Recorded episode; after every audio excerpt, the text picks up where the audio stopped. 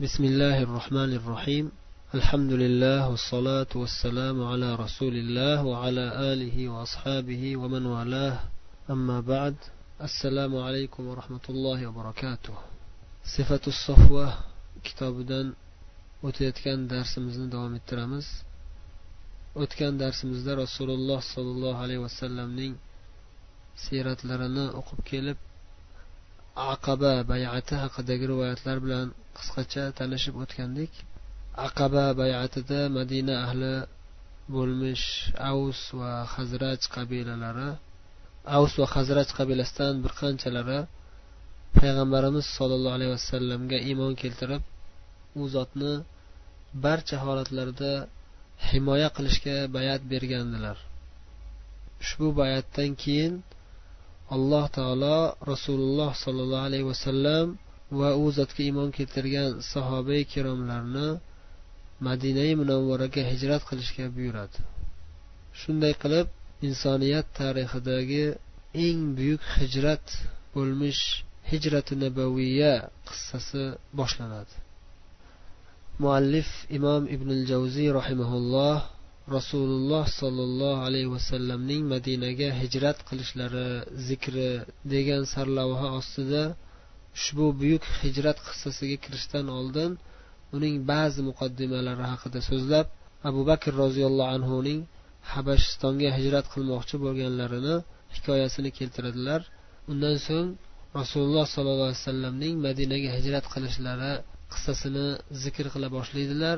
Va ushbu eng buyuk hijratda rasululloh sollallohu alayhi vasallamga hamroh bo'lishlik sharafiga muvaffaq bo'lgan yagona sahobiy abu bakr roziyallohu anhu ekanliklarini zikr qilib o'tadilar قال رحمه الله كانت بيعة العقبة في أوسط أيام التشريق وقدم رسول الله صلى الله عليه وسلم المدينة لاثنتي عشرة ليلة خلت من ربيع الأول ibn al javziy rahimaulloh aytyaptilar aqaba bayati ayyami tashliq.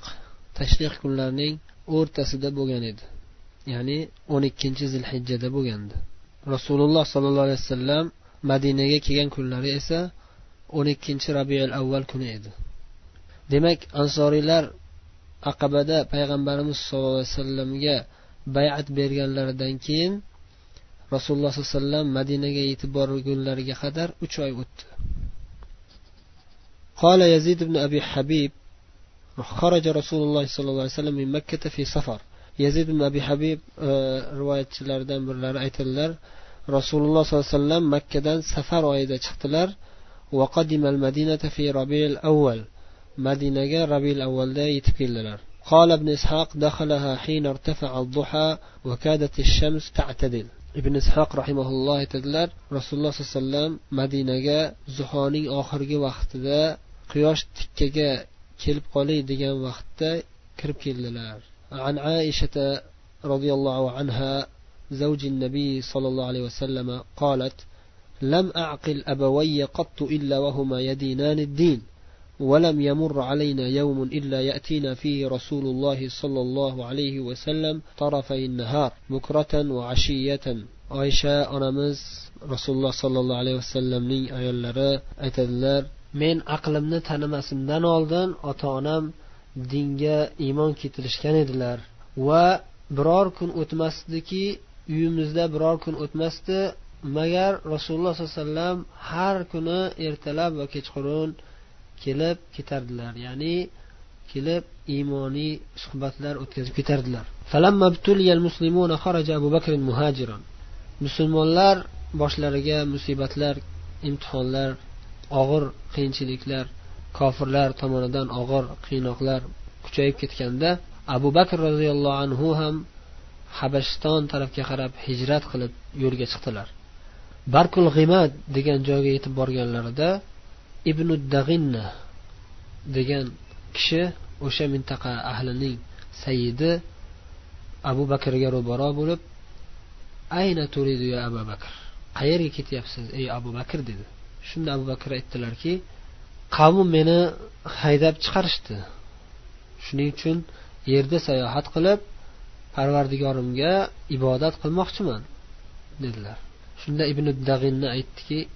إن مثلك يا أبا بكر لا يخرج ولا يخرج أنت تكسب المعدوم وتصل الرحم وتحمل الكل وتقري الضيف وتعين على نوائب الحق ابن الدغنة aytdiki ey abu bakr sizday inson vatanidan chiqib ketishi ham chiqarib yuborilishi ham mumkin emas.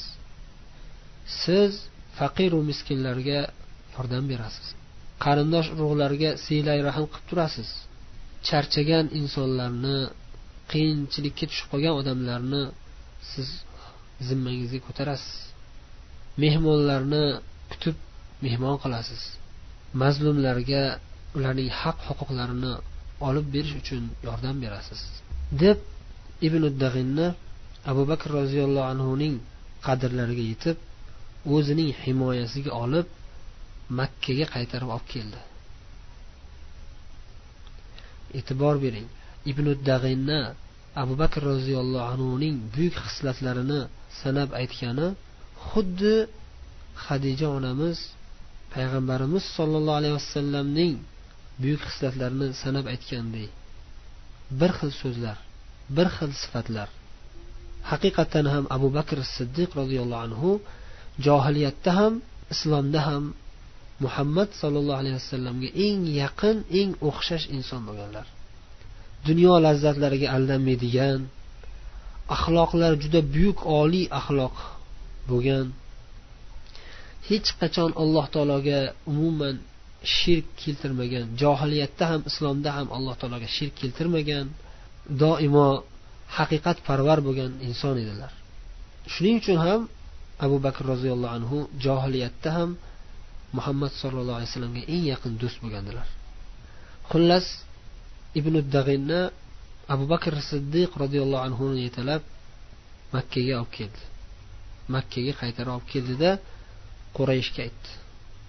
Abu bakr juda buyuk inson bu odamni haydab chiqarish u yoqda tursin o'zi chiqib ketaman desa ham qo'yib yubormaslik kerak deb qattiq nasihat qildi va hech kim tegmasin deb o'zining himoyasiga oldi. Quraysh ham bunga mayli deyishdida lekin shart qo'yishdi. Ibn dag'innaga aytishdiki modomiki sen abu bakr himoyangga olar ekansan mayli aytgin. Abu bakrga aytib qo'ygin. O'zining hovlisida parvardigoriga ibodat qilaversin o'zining uyida namoz o'qiversin o'zining uyida qur'on tilovat qilsa tilovat qilaversin lekin bizga bizga ozor bermasin. Ochiq oydin e'lon qilib yubormasin. Ibodatlarini tilovatlarini ochiq oydin bajarmasin. Nimaga? Aytishyaptiki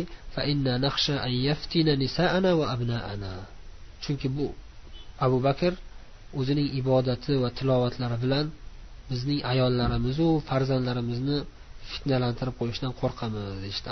Billah. Haqiqatni ko'rgan insonlar qalbi toza bo'lsa albatta qabul qiladi. Ayollari va farzandlari haqiqatni abu bakrning ibodati va tilovatlaridan ko'rib ta'sirlanib islomga kirib ketib qolishidan qo'rqishyapti. Shuni fitna deb aytishyapti. Ajib odamlar qiziq ko'pchilik odamlar haqiqatni teskari atab botil narsalarni haqiqat deb ko'rsatishadi. Billah. Ibn dag'inna qurayishning talabiga mayli dedida shu shart bilan abu bakr roziyallohu anhuni o'z himoyasiga oldi. Keyin abu bakr roziyallohu anhu makkada o'zlarining uylarida ibodat namozlar bilan tilov qur'on tilovatlari bilan mashg'ul bo'ldilar. Abu bakr roziyallohu anhu o'zlarining hovlilarida o'zlariga bir namoz o'qiydigan joy qilib olib o'sha yerda namoz o'qirdilar. Namoz o'qiganlarida shunday bir go'zal ovoz bilan va juda ta'sirlanarli o'zlari ham atrofdagilar ham ta'sirlanib ketadigan darajada qur'oni karimni tilovat qilib ibodat qilardilar shunda mushriklarni ayollari va bolalari qiziqishib tomosha qilishardi tepalardan devorlardan qarab. Abu bakr roziyallohu anhu qur'on tilovat qilsalar namoz o'qisalar juda ko'p yig'lab ta'sirlanib o'qirdilar. Albatta bu narsa yuqorida aytganimizdek haqiqatni tushunish uchun qalbi tayyor bo'lgan qalbi ochiq bo'lgan odamlarga ijobiy ta'sir qiladi. Va bu narsa esa qalbi qotgan kimsalarni qo'rqitadi. Shuning uchun bu yerda muallif ham aytyaptilar bu yerdagi rivoyatda ham kelyapti. Quraysh mushriklarning kattalari qo'rqib ketishardi. Quraysh mushriklarning kattalari bu holdan bezovta bo'lishib ibn dag'innaga elchi yuborib chaqirishdi. Ibn dag'inna keldi. Shunda unga aytishdiki biz senga aytgandikki abu bakrni o'z himoyangga oladigan bo'lsang bu o'zining uyida ovozini baland qilmasdan ibodat qilsin. Bizga ozor bermasin degandik. Bu haddan oshib ketdi. O'zining uyida masjid qurib oldi. Namozini tilovatini ovozini baland ko'tarib o'qiyapti. Biz bu holga chidolmaymiz bu holda abu bakr bizning ayollarimizu farzandlarimizni fitnalantirib qo'yadi deyishdi. Shuning uchun sen abu bakrga aytgin bundan qaytargin abu bakrni deyishdi. Agar abu bakr ovozini ko'tarmasdan o'zining uyida boshqalarga ko'rsatmasdan ibodat qilsa shunday qilsin bo'lmasam ibodatlarini tilovatlarini ovozini baland ko'tarib o'qiyman deb turib oladigan bo'lsa e, senga seni himoyangni qaytarib bersin ya'ni seni himoyangdan chiqsin bu odam. Shundan keyin ibn dag'inni abu bakr roziyallohu anhu kelib e, qurayshning talabini xabar berib xuddi quraysh aytganday yo ovozingni ko'tarmasdan uyingda bekinib ibodat qilgin yoki bo'lmasam meni himoyamdan chiqqin dedi. Shunda abu bakr roziyallohu anhu aytdilarki men seni himoyangdan chiqa qolay mayli. Menga ollohning himoyasi yetadi. Ollohning himoyasiga man roziman deb ibn dag'inaning himoyasini o'ziga qaytarib yubordilar ya'ni meni himoya qilib o'zingni qiynab o'tirmagin. Quraysh qo'lidan kelgan ishni qilsin. Man qo'rqmayman. Ollohdan qo'rqaman. Olloh o'zi himoya qilib oladi meni. Rivoyatlarida davom etib aytadilar. Rasululloh sollallohu alayhi vasallam mana shu paytda makka dedilar ya'ni makka davri edi makka davrining oxirgi kunlari edi فقال النبي صلى الله عليه وسلم للمسلمين إني أريد دار هجرتكم ذات نخل بين لابتين وهما الحرتان رسول الله صلى الله عليه وسلم musulmonlarga aytdilarki sizlarni hijrat hovlingiz ya'ni hijrat qilishingiz lozim bo'lgan joy menga ko'rsatildi u ham bo'lsa xurmozor bo'lgan joy ikkita toshliq joyning orasida ya'ni harra deyiladi madinani ikki tarafida toshliq joy bor edi qora toshlar quyoshda qorayib ketgan toshlar o'ralgan edi madina ikki tarafida shunday joy o'rtada xurmozor فهاجر من هاجر قبل المدينة ورجع عامة من كان هاجر بأرض الحبشة إلى المدينة shundan keyin musulmonlar madinaga hijrat qila boshlashdi. Va hatto habashistonga hijrat qilib ketgan musulmonlarning aksariyatlari madinaga qaytib kelishdi. Habashistondan qaytib madinaga hijrat qilishdi. Va shunda abu bakr roziyallohu anhu ham madinaga hijrat qilishga tayyorlandilar. Hijrat qilishga chiqib ketaman deb turganlarida madinaga hijrat qilib ketaman deb turganlarida rasululloh sollallohu alayhi vasallam aytdilarki shoshmay turing. Siz men ollohdan umid qilib turibmanki yaqin kunlarda menga ham ruxsat beriladi hijrat qilishga dedilar. Shunda abu bakr aytdilarki otam sizga fido bo'lsin siz ham yaqinda shu kunlarda hijrat qilasizmi? dedilar. Shuni umid qilib turibman dedilar rasululloh sollallohu alayhi vasallam. Shundan keyin abu bakr roziyallohu anhu o'zlarini hijratlarini ozgina kechiktirib turdilar toki shoyat rasululloh sollallohu alayhi vasallamga hamroh bo'lib rasululloh sollallohu alayhi vasallam bilan birga hijrat qilishlikka musharraf bo'lishlari uchun.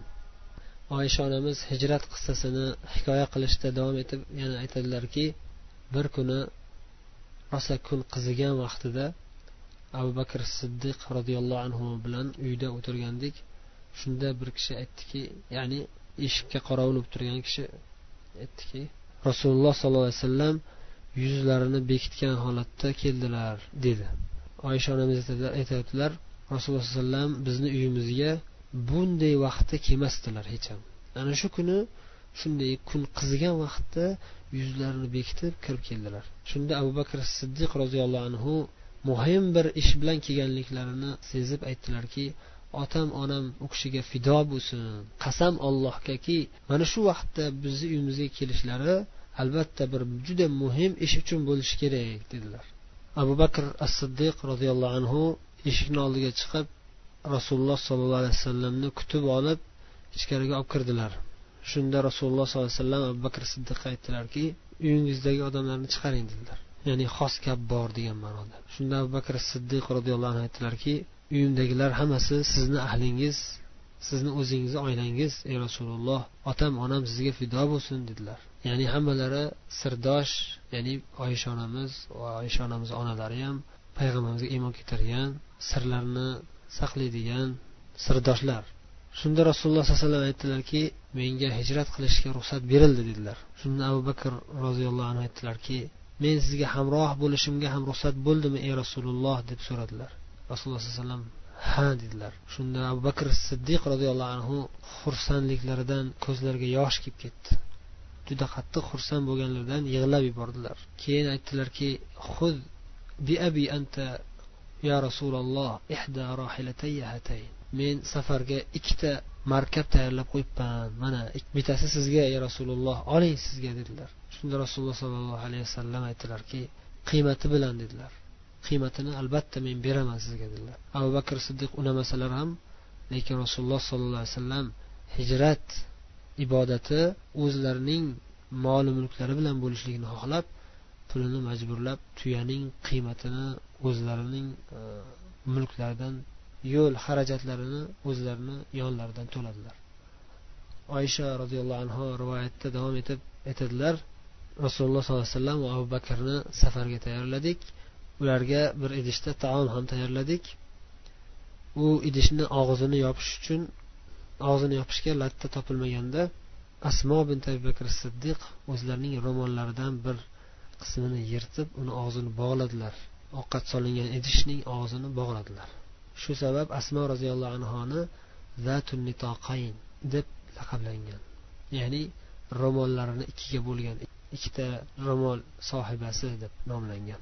Shundan keyin safarga tayyorlab bo'lingandan keyin rasululloh sollallohu alayhi vasallam va abu bakr ikkovlari birgalikda jabal favr makka shahrining janubiy tarafida joylashgan tog'dagi g'orga bekinishdi ana shu yerda uch kun yotishdi. Kechasi o'sha g'orda abu bakr siddiq roziyallohu anhu o'g'illari abdulloh payg'ambarimiz va abu bakr bilan birga kechasi g'orda birga bo'lardilar. Tong otishdan oldin makkaga qaytib kelardilar. Xuddi makkada hech narsadan bexabar bo'lganday quraysh ichida turardilar. Uch kungacha shu holda quraysh kunduzi payg'ambarimiz sollallohu alayhi vasallamga qarshi nimalar reja tuzayotganligini xabarini bilib turardilar. Kechasi borib rasululloh sollallohu alayhi vasallam abu bakrga xabarni yetkazardilar. Yana amir ibn fuhayra degan abu bakr siddiq roziyallohu anhuni qo'ylarini boqib yuradigan xizmatchilari kechasi bo'lganda kechqurun bo'lganda qo'yni o'sha tog' tarafga sekin xuddi qo'y boqib yurganday bo'lib g'orni yaqiniga olib borardi va shu qo'yni sutidan sog'ib berardi payg'ambarimiz va abu bakrga. Uch kecha shunday bo'lib shunday holatda rasululloh sollallohu alayhi vasallam va abu bakr g'orda bekinib yotishdi. Keyin uchinchi kuni bo'lgan uch kundan keyin madinaga yo'l olish uchun rasululloh sollallohu alayhi vasallam va abu bakr yo'l kirasini berishib kelishib qo'yilgan yo'lboshchi bo'lgan abdulloh ibn urayqit degan odam bilan kelishilgan joyda uchrashishdi g'ordan chiqishib yana mm, janubiy tarafga qarab yo'l olishdi. Sabab chunki madina shimoliy tarafda joylashgandi. Agar madinaga to'g'ri yo'ldan yurishsa mushriklarning ko'zi tushib qolishi aniq edi. Rasululloh sollallohu alayhi vasallam mushriklarning ko'zidan g'oyib bo'lganlaridan beri ya'ni o'rinlariga ali roziyallohu anhuni yotqizib uylaridan chiqib ketganlaridan beri mushriklar payg'ambarimiz sollallohu alayhi vasallamni juda ham qattiq qidirishayotgan. Uch kundan beri qidirmagan joylari qolmagan. Kim muhammadni yoki abu bakrni ushlab kelsa yoki o'ldirsa yuztadan tuya va'da qilishgan qasam ichib va'da berishgan va hamma yog'iga e'lon qilishib bor imkoniyatlari kuch quvvatlari bilan qattiq qidirishayotgan edi. Hatto g'orga ham yetib kelishadi. Rasululloh sollallohu alayhi vasallam va abu bakr g'orda bekinib yotishganda g'orga ham yetib kelishadi. Ammo lekin alloh taolo o'zining rasuli muhammad sollallohu alayhi vasallamni salomat saqlab kofiru mushriklarning ko'zlarini burib qo'yadi. Rasululloh sollallohu alayhi vasallam va abu bakr roziyallohu anhu hijrat qilishda ehtiyot choralarining barcha barchasini qo'llashlariga qaramasdan imkoniyatlaridagi bor barcha ehtiyot choralarini ko'rishlariga qaramasdan baribir mushriklarning harakati ularning ehtiyot choralaridan ustun keladi. Ammo lekin ollohning hifzi himoyasi mushriklarning ming ming harakatidan ustun. Shunday bo'lsada shunday bo'lishini bilgan alloh taolo oddiy ojiz insonlar kuchsiz musulmonlar kuch quvvatlari zaif musulmonlar imkoniyatlaridagi bor barcha sabablarni barcha ehtiyot choralarini ko'rishga buyuradi alloh taolo. Ba'zi ulamolar rasululloh sollallohu alayhi vasallamning hijratlarini o'rganishlari asnosida payg'ambarimiz sollallohu alayhi vasallam hijratlari tinch omon bo'lishi uchun oltmishtadan ko'p ehtiyot chorasini qo'llaganliklarini zikr qilishadi. Lekin shunday bo'lsa ham mushriklar payg'ambarimiz sollallohu alayhi vasallamni izlarini topishadi. Ammo lekin olloh o'zi o'z hifzi himoyasida saqlaydi. Shundan foyda chiqarishib ulamolar aytishadiki alloh taolo qur'oni karimda aytganidek ollohdan qurbiylar yetganicha taqvo qilinglar. Olloh buyurgan barcha hatto moddiy sabablarni bajarib allohga tavakkul qilishimiz lozim bo'larkan.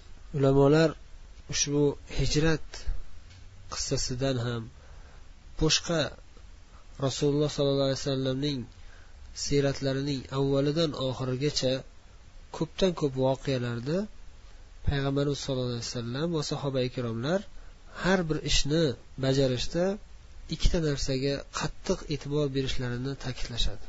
Avvalambor alloh taologa duo iltijo kuchli tavakkul alloh taologa suyanish faqatgina ollohdan qo'rqib allohga iltijo qilib hamma ishlarini muvaffaqiyatli bajarishda ollohdan madad so'rash. Ikkinchisi olloh o'zi ruxsat bergan balki o'zi buyurgan moddiy dunyoviy sabablarni ham qo'llash. Hatto ana shu dunyoviy sabablar oddiy bo'lsa ham zaifroq bo'lsa ham kofirlarning kuch quvvatiga nisbatan zaifroq bo'lsa ham kofirlarning kuch quvvati kofirlarning katta imkoniyatlariga nisbatan bizning imkoniyatlarimiz zaif kuchsiz bo'lsa ham lekin qo'limizdan kelganicha sabablarni qo'llashimiz va imkon qadar kuchaytirishimiz hamma taraflama atroflicha e, bajarishga harakat qilishimiz lozim bo'ladi. Ana shunda ya'ni mana shu ikkita ikkita shartga amal qilsak birinchisi doim alloh taologa iltijo qilib alloh taolodan madad so'rab alloh taologa tavakkul qilib kuchli iymon bilan sobit qadam turishligimiz. Ikkinchi shart moddiy sabablarni ham tashlab qo'ymasdan moddiy dunyoviy sabablarni ham bajarishimiz orqali ana shuni bajarsak ana shunda moddiy sabablarimiz ham ish bermay qolgan payt alloh taolo o'zi bizni himoya qiladi va bizga inshaalloh nusrat va g'alabasini ato etadi. Xuddi rasululloh sollallohu alayhi vasallamni alloh subhanava taolo hijratda o'zi saqlagandek. Chunki rasululloh sollallohu alayhi vasallam va abu bakr roziyallohu anhular har lahzalarida alloh taologa iltijo qilib allohning buyrug'iga itoat qilib allohning yagona o'ziga tavakkul qilib harakat qilishdi va qo'llaridan kelgan barcha moddiy sabablarni ham bajarishdi. Moddiy sabablar deyarli hammasi moddiy ehtiyot choralari deyarli hammasi hech qanday ish bermay qolganda ham lekin alloh taologa bo'lgan tavakkullari va allohning buyrug'iga itoat qilishliklari tufayli u alloh taolo o'zi ularga najot berib ularga ularni olloh o'zi o'z hifzi himoyasida saqladi. Kofirlarning moddiy kuch quvvatlarini puchga chiqarib qo'ydi. Yana ehtiyot chorasini ko'rishib janubiy tarafda janubiy makkadan makkaning janubiy tarafiga yo'l olishda davom etishdi. Ma'lum bir joygacha yurishgandan keyin ularning yo'lboshchilari abdulloh ibn urayqit dengiz tarafga burdida dengiz tarafga yurishib ya'ni g'arbiy tarafga yurishib ancha yurilgandan keyin juda ham kamdan kam odam biladigan yo'ldan boshlab madina tarafga qarab kelgan yo'l oldi. Shimoliy tarafga qarab madinaga yo'l oldi. Bugun shu yerda to'xtaymiz. Inshaalloh yana hijrati nabaviya qissasini keyingi darsimizda davom ettiramiz. Allohu alam. وصلى الله وسلم وبارك على نبينا محمد وعلى آله وأصحابه أجمعين والسلام عليكم ورحمة الله وبركاته